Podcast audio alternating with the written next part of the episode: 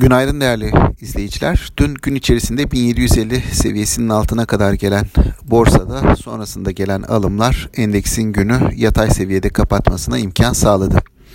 E, baktığımız zaman gün içi değişimlere özellikle e, telekom hisselerinin bir süredir ön plana çıktığını görüyoruz. Bu özellikle TL'nin değer kazanma sürecinde e, en uyumlu hareket eden son dönemde hisselerden, sektörlerden birisi bu grup. Bunun dışında dün ayrıca demir çelik hisselerinde de dip seviyelerden gelen alımlar vardı. Biliyorsunuz önceki günlerde özellikle kur ayarlaması yapıldığı için bu hisselerde alımlar önceki haftalarda gerçekleşen alımlar bir miktar kurla e, telafiyi amaçladığı için e, TL'nin değer kazancı ile birlikte satışlar görmüştük. Dün ise artık dip seviyelerin e, olduğunu düşündüğümüz yerlerden alımlar geldi.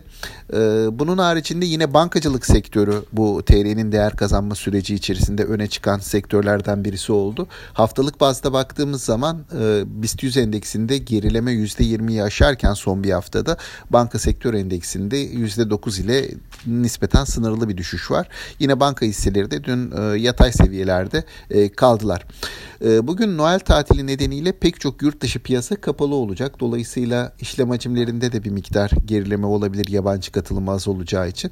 Biz e, bugün piyasanın daha çok iç dinamikleriyle hareket edeceğini, yatırımcıların yeni makro koşullara uyum sağlayacak şekilde hisse değişimlerine devam edeceğini düşünüyoruz. Borsada da yatay bir seyir bekliyoruz. Tabii ki azalan işlem hacmiyle birlikte. E, şimdiden tüm izleyicilere sağlıklı bir hafta sonu diliyorum. Sağlıklı, bol, bereketli, kazançlı günler diliyorum. Yeniden görüşmek üzere.